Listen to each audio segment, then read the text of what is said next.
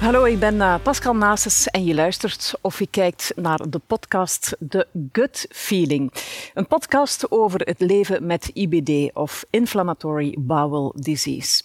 We praten met experten in de zorg en ervaringsdeskundigen en we hebben het over de verschillende aspecten waarmee je te maken krijgt als je leeft met IBD. In dit gezelschap in ieder geval hebben we kennis genoeg om over al deze zaken te praten. En in deze serie gaan we ons verdiepen in een onderwerp dat mij nou aan het hart ligt, namelijk voeding en de relatie met IBD. Hoe ga je het best om met voeding als je te maken hebt met een chronische darmaandoening. In elke aflevering bespreken we dus een bepaald thema rond voeding en IBD. En in deze aflevering beginnen we bij de basis. Is er een relatie tussen voeding en IBD? Deze vraag bespreken we met deskundigen Julie van der Stappen, diëtiste verbonden aan het UZ Leuven, en professor João Sabino, gastroenteroloog in hetzelfde ziekenhuis en verpleegkundig specialist Kevin Plovy van het AZ Damiaan in Oostende. Maar bovenal draait het natuurlijk om onze ervaringsdeskundigen, zij die leven met IBD. En dat zijn Frida Wieme en Geertrui Cazot. Zeg ik jullie namen correct? Is dat... Ja, ja. Voilà. Zij delen hun ervaringen en stellen natuurlijk ook vragen aan onze deskundigen. Professor João Sabino, ik wil eerst even met jou beginnen. Um, jouw roots liggen in Portugal? Dat klopt, ik ben Portugees en ik ben daar afgestudeerd en ik ben pas in 2010 naar België vertrokken. Okay. Dus sinds dan ben ik hier in België. En je bent gastroenteroloog, dat wil zeggen eigenlijk het volledige spijsverteringsstelsel. Maar waarom ging jouw interesse uit naar darmaandoeningen zoals IBD? Um, ehm, dus tijdens mijn studies en tijdens mijn doctoraat um, was mijn interesse meer en meer gegroeid op specifieke IBD, ziekte van chronic colitis ulcerosa, omdat ze zijn chronische darmontstekingen die toch wel een belangrijke impact hebben voor het leven van de patiënten. En daar is er nog heel veel vragen dat we niet weten. Wat is de oorzaak van de ziekte? En dat fascineert mij om, uh, om dat verder te onderzoeken en dat te helpen eigenlijk. Ja, en daar gaan we het over hebben. Hè. En uh, Julie, jij als diëtiste, hoe ben jij daar betrokken bij geraakt bij dit verhaal? Um, ik ben eigenlijk al langer te werk gesteld als diëtiste binnen het ziekenhuis op de afdeling gastroenterologie algemeen. En dan eigenlijk meer specifiek naar IBD toe, dankzij professor Sabino, uh, in het kader van een studie waarvoor ik eigenlijk dan sinds vorig jaar binnen het IBD-team ben gestapt om verder onderzoek te doen naar de rol van voeding bij IBD ja. en de ondersteuning van onze patiënten binnen het ziekenhuis. Ja. Jij bent ook betrokken bij IBD um, als verpleegkundige. Ja. Wat is dan precies jouw rol? Mijn rol bestaat er voornamelijk in het ondersteunen en begeleiden van patiënten. Uh, eerst en vooral ook om een aanspreekpunt te zijn voor die patiënten. Ik zie mijn rol eigenlijk als, eerst en vooral als vriend, buddy doorheen het traject. Dat patiënten zichzelf kunnen zijn, die, dat ze weten dat ze bij mij terecht kunnen. Vervolgens ook educator. We geven heel veel uitleg over onderzoeken, de ziekte zelf, dan ook leren omgaan met de ziekte en leven met de ziekte. En vervolgens ook een beetje een doorverwijsfunctie. Als patiënt met een probleem komt, psychologische probleem, dat wij kunnen de, ja. de wierwarre wegwijsmakende patiënt rechtstreeks verwijzen naar uh, de, ja, de, spe, de specialist. Een andere deskundige, ja, een specialist. Ja. ja. Frida, ik kom nu even bij jou, onze ervaringsdeskundigen. Wanneer werd het bij jou vastgesteld dat je IBD had? Dat is in, 1800, in 1978. 1978, dus dat toch al? Ja, dat is al 44 jaar geleden. Dus Wist men toen al exact wat het was? Ja, ze wisten toen al wat het was, maar het was zeker nog niet gekend. Dus was bij mij paniek als ze mij gezegd dat ik kroon had want het was nog niet bekend. En heeft voeding nu een grote impact op, uh, ja, op jouw ziekte en omgekeerd, hoe je eet? Ja, zeker in het begin, want dat was zo'n beetje uitzoeken zelf. Er bestond eigenlijk nog niks die mij kon zeggen. En ik ben ook geen expert in voeding, ik weet niet wat er allemaal in kan zitten in die voeding. Dus ik heb het echt moeten uitzoeken en ja. ook eerst ziek zijn en dan pas beseffen, wat heb ik nu gegeten dat niet past. We gaan veel kunnen leren van jou. uh, Geertre, um, ja, wanneer is dat bij jou vastgesteld? Um, ik heb nu de diagnoses zo'n 31, 32 jaar, dus 1990. En ik heb toen de diagnose gekregen van Crohn en ook spondyloartritis op hetzelfde moment. Dus dat wordt in de volksmond de ziekte van Bechterew genoemd. Ja. Um, dus ja, dat is al iets meer dan 30 jaar. Um, in die periode was ik, in de beginperiode was ik er echt wel heel slecht aan toe. Uh, mijn gewicht was echt heel veel verminderd, heel misselijk, bijna niet kunnen eten en zo. Dus ja, in die 30 jaar heb ik natuurlijk al een heel parcours doorlegd van allerlei verschillende behandelingen ook. En uh, ja, van voeding ook het een en het ander uitzoeken. Je hebt al een hele weg afgelegd ook. Wel, daar gaan we het natuurlijk uh, over hebben. Onze ervaringsdeskundigen weten natuurlijk als geen ander welke de impact is op het dagelijks leven met uh, IBD. En dus ook natuurlijk over de rol van voeding.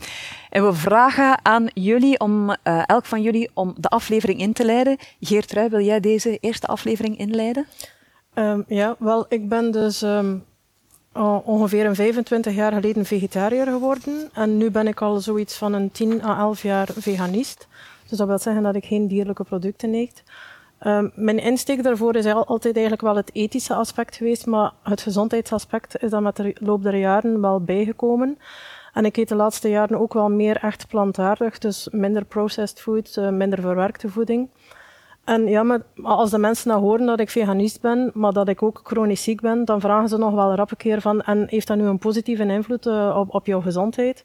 Maar ik vind dat heel moeilijk om echt concreet te zeggen, ja, dat is echt goed voor mijn gezondheid, omdat dat natuurlijk op, op individueel niveau is. Ik, ik, kan niet, ik kan niet zeggen hoe dat het anders zou zijn, moest ik niet veganist geworden zijn.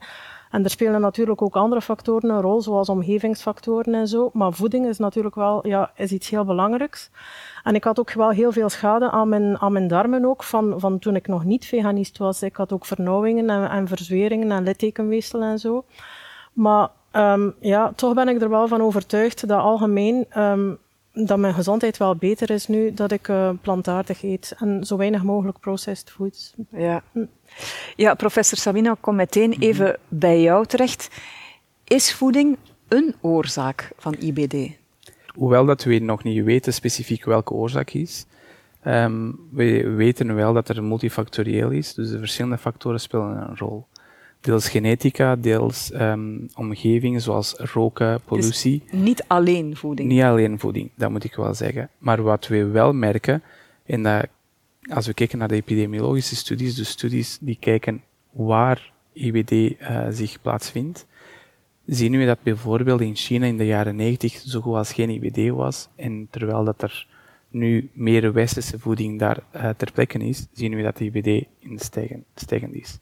En dat was de hint van, dat kan niet van genetica komen. Dat is niet dat ze andere mensen zijn geworden, maar wel anders zijn begonnen eten, veel pollutie, veel verschillende factoren. Dus we zijn wel volledig overtuigd dat dieet een rol speelt bij het ontstaan van de ziekte. Zou je dat kunnen zeggen dat wij niet meer aangepast zijn aan onze huidige manier van eten en dat daarom IBD naar boven komt?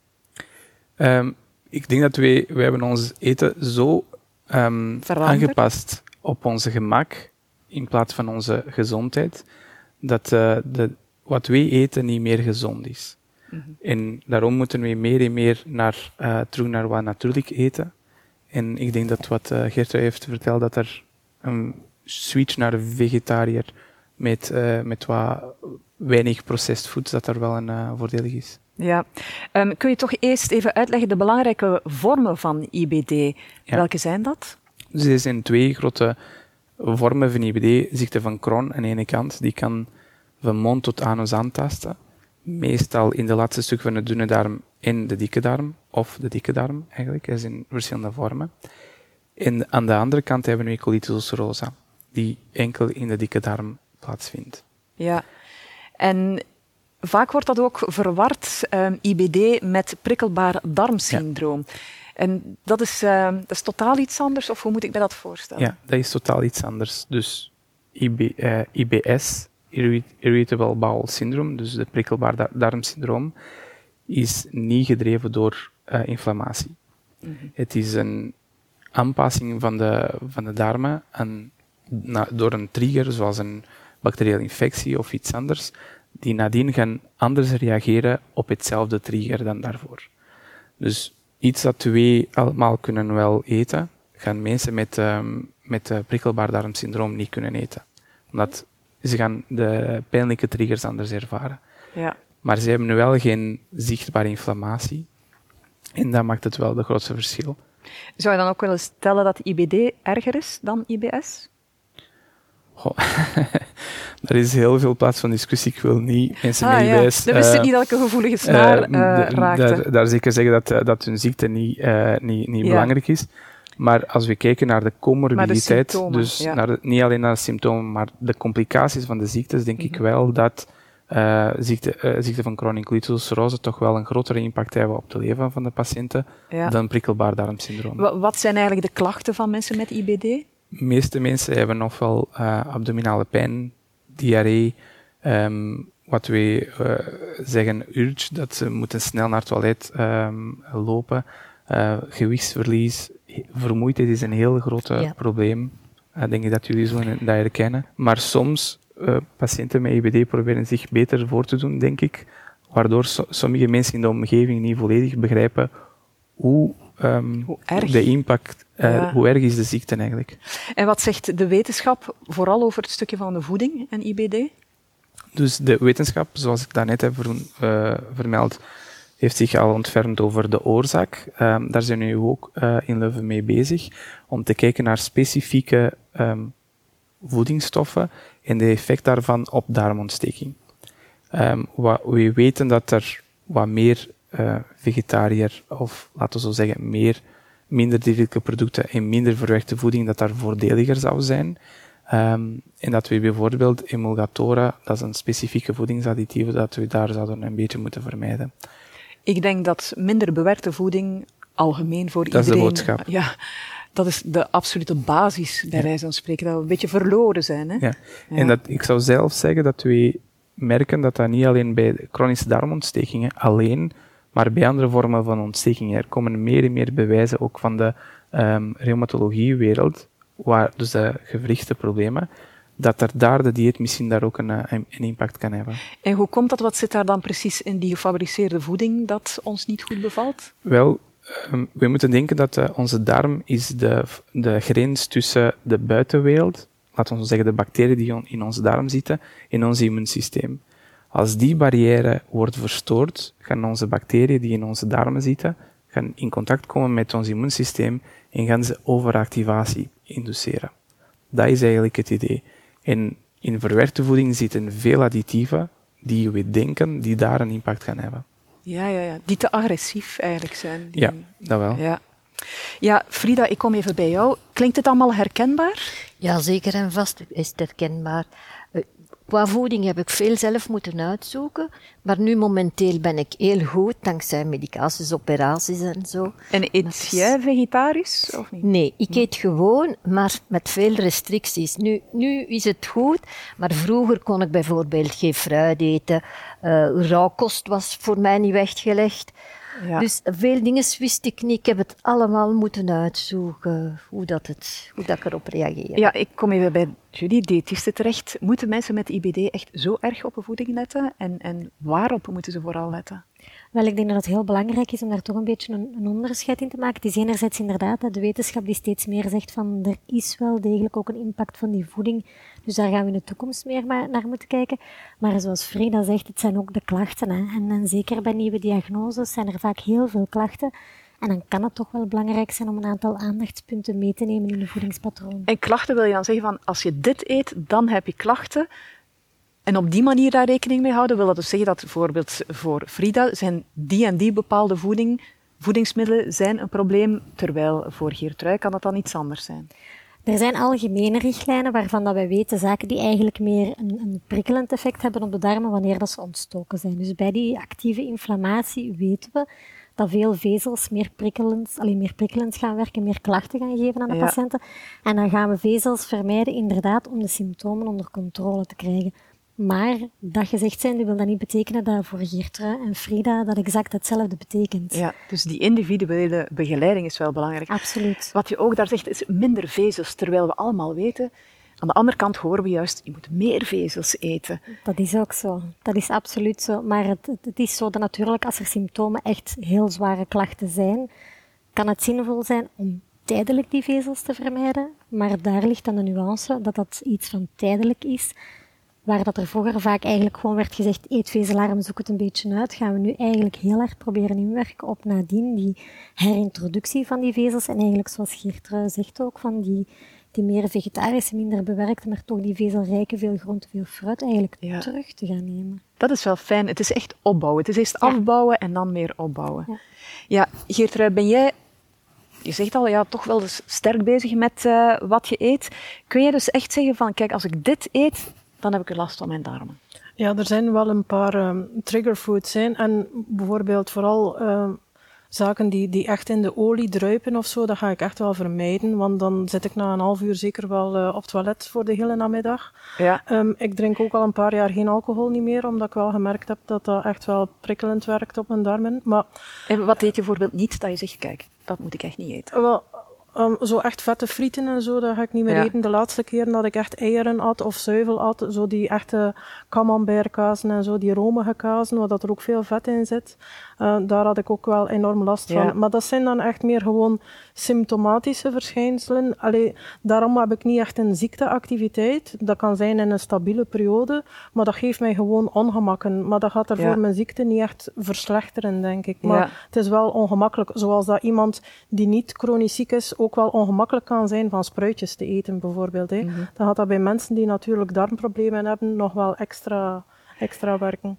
Ja. Ja. ja, ik wil ook even, professor Jou, ik wil ook even bij jou komen, want eigenlijk, ehm, vetten zijn op zich gezond. Ehm, kun je dat even toelichten? Ja, vetten zijn gezond met mate natuurlijk. We moeten niet geen liter olijfolie gaan drinken. Uiteraard niet. Ehm, ik denk dat de vetten zijn gezond met mate. En natuurlijk, na bijvoorbeeld een operatie, eh wij nemen heel vaak met mensen met ziekte van Crohn een laatste stuk van de dunne darm, waar dan sommige van de, van de vetten worden eh, opgenomen, of sommige van de galzouten worden hier opgenomen.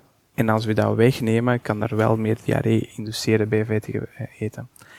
Maar Gertrude heeft wel een heel mooi ehm, ehm, punt gesproken. Dat is, er is een verschil tussen een voeding die een symptoom induceert en voeding die inflammatie induceert. Soms is er niet echt een overlap. Bijvoorbeeld zoals eh, ehm, Julie heeft gezegd, dat er bij een acute moment dat we de vezels gaan vermijden, niet omdat ze inflammatoire zijn, ze zijn anti-inflammatoire, maar op dat moment kunnen de mensen daar niet tegen. Dus op dat moment doen ze wel pijn, maar eigenlijk zijn ze wel gezond en moeten ze toch Ja, stilletjes opnieuw gaan introduceren Ja. om algemeen de mensen gezond te houden. Ja, dat probeer ik inderdaad aan, aan mijn patiënten altijd te zeggen van kijk, ehm, is niet de rauwe sla die daar een probleem heeft veroorzaakt, is eigenlijk op dat moment, als de ziekte actief is, kunnen ze daar niet tegen, maar eens dat de ziekte onder controle is, proberen we wel dat eh, op te drijven. Maar er blijven altijd persoonlijke eh, gevoeligheden, zoals Gertrude heeft gezegd, ja, bij spruiten. Er zijn mensen die zelfs zonder IBD die daar wel problemen mee hebben. Ja. Het, alles wat hij eet, komt natuurlijk vol, Ja. langs het volledige traject. Dus ja, ik kan me dat wel inbeelden. Als daar dan een ontsteking is, maakt bijna niet uit wat hij eet, ja, dat hij daar last kan van hebben.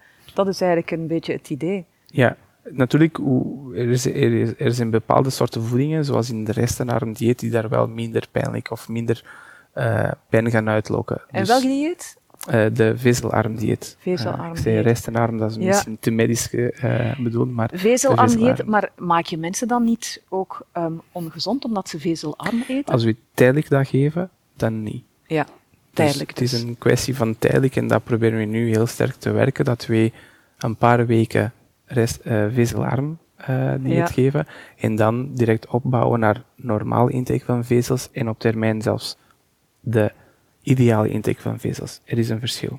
Ja, dus altijd zoeken naar een eh, mooi evenwicht. Kevin, ik kom even bij jou. Jij bent het eerste aanspreekpunt Ja, voor de mensen. Hebben zij veel vragen over voeding? Maar sowie- sowieso, als we een eerste contact hebben met een patiënt, de patiënt komt binnen bij de arts, ehm, we hebben een opstoot bijvoorbeeld, dan gaan we eigenlijk al heel het voedingsgewoonten al in, in kaart brengen. Gaan we kijken hoe is het met de eetlust, is de patiënt al vermagerd, hoe is het met zijn lengte, gewicht. Gaan we eigenlijk al een nutritional assessment gaan afnemen van die patiënt. En daar kunnen we eigenlijk al adviezen direct aan gaan koppelen. Vervolgens gaan we ook ehm, gaan kijken bij die patiënten, eh, waar kunnen we al het verschil maken? Kunnen we al een diëtiste eventueel laten langskomen als we zien dat de patiënt bijvoorbeeld al 15 kilo vermagerd is? Dan moeten we niet wachten om eigenlijk een diëtiste te gaan inschakelen. Wat dat we wel zien, dat patiënten, als ze in een opstoot zijn, dat ze zelf komen met die vragen. Maar als ze eigenlijk in remissie zijn, dat je de patiënten eigenlijk vaak niet hoort omdat als ze in remissie zijn, ze hebben geen last. Remissie wil eigenlijk zeggen dat het, dat het eigenlijk... Ja, zo in onderhoud dat de, de darm rustig is. En dan zien we eigenlijk dat patiënten dan snel de touwtjes wel losser laten. En dat ze al snel een keer gaan experimenteren van, ach, dat kon ik vroeger niet, ik ga dat nu toch een keer proberen. Mensen die bijvoorbeeld tijdens een opstoot geen spaghetti kunnen eten, die dan zeggen van, ik eet dat toch zo graag, die dan toch nog een keer een kans zien om spaghetti te eten, die dan zeggen van, ja, ik heb er inderdaad heel veel last van. Hebben ze dan echt last weer? Zoals uh, Geertrui ook zegt, van als ik bepaalde dingen eet, weet ik dat ik achter een half uur op, de, op het toilet zit. Maar soms is die drang dusdanig groot als je zegt, ik eet graag frietjes. De verleiding is uh, vaak... De verleiding is inderdaad soms groter dan uh, ja, het ja. euvel die nadien ja. komt. Voilà, ja, professor Sabino, um, ik wil met jou nog even afronden. Hoe belangrijk is dus die voeding binnen dat IBD-verhaal en vooral, wat geef jij dan mee aan de patiënt? Ik geef uh, meestal mee, ten eerste denk ik dat je, wat ik doe is zeg, wat is de plaats van voeding in de behandeling? Voeding is heel belangrijk, maar wij gaan de volledige ontsteking niet onder controle krijgen alleen met voeding. Dus wij moeten medicatie geven. Eens dat de medicatie werkt en dat de ziekte wat beter onder controle is, dan komt wel de grote uh, punt van voeding. En daar ga ik voornamelijk zeggen dat de mensen gezond moeten eten. Ik stel niet altijd voor om vegetariër te, te zijn. Ik denk dat die ook niet voor iedereen uh, werkelijk is. Um, maar wel om minder verwerkte voeding te eten en meer um, verse zelf te maken. Ja. Dat wel. Ik denk dat dat een goede boodschap is voor iedereen, zelfs mensen die geen darmaandoening hebben. Um, Geertrui, ik hoop dat dit een beetje ja, duidelijkheid ook heeft geschept voor jou. Wat waren ook voor jou de eye-openers rond die voedingen en van dit gesprek? Minder processed foods, ik denk dat dat voor... Uh, en ook van uh, rauwe groenten en zo. Um, ik heb ook nog reacties soms gekregen van andere kroonpatiënten en zo, die, die zelfs dan mijn diagnose gaan in twijfel trekken, omdat ik zeg van, dat ik wel heel vaak rauwe groenten en zo eet. Die zeggen van, maar dat kan niet dat je kroon hebt. U wilt er nog iets aan ik wilde zo, zo zeggen, omdat dat is een heel mooi voorbeeld. Uh, veel mensen, toen ik zeg, um, uh, de reactie van de mensen als ze bij mij komen en ik zeg, ja, je moet veel vezels eten, ze vinden dat heel raar, omdat ze hebben altijd gehoord dat bij kroon niks eten van vezels. En gaan ze natuurlijk, als we niks van vezels mogen eten, gaan ze natuurlijk naar verwerkte voeding. Het is uh, mooi om hiermee af te ronden. Ik ben uh, daar heel enthousiast over, over dat ook bij behandelingen van uh, aandoeningen aan de darmen, dat er toch meer vezels en meer naar die natuurlijke voeding moet gaan worden en afgestapt worden van het witte brood, bijvoorbeeld de geraffineerde voeding. Dus in deze aflevering zijn we er samen achter gekomen dat voeding en IBD nauw verbonden zijn met elkaar. En ik wil iedereen hier uh, hartelijk bedanken voor uh, jullie deelname. Ben je benieuwd hoe je als IBD-patiënt kan weten welke voedingsmiddelen goed of slecht zijn voor je? Dit en veel meer bespreken we in onze volgende aflevering. Bedankt dat je luisterde of keek naar deze aflevering van The Gut Feeling, een podcast over leven met IBD. Heel fijn dat u erbij was en heel graag tot de volgende keer.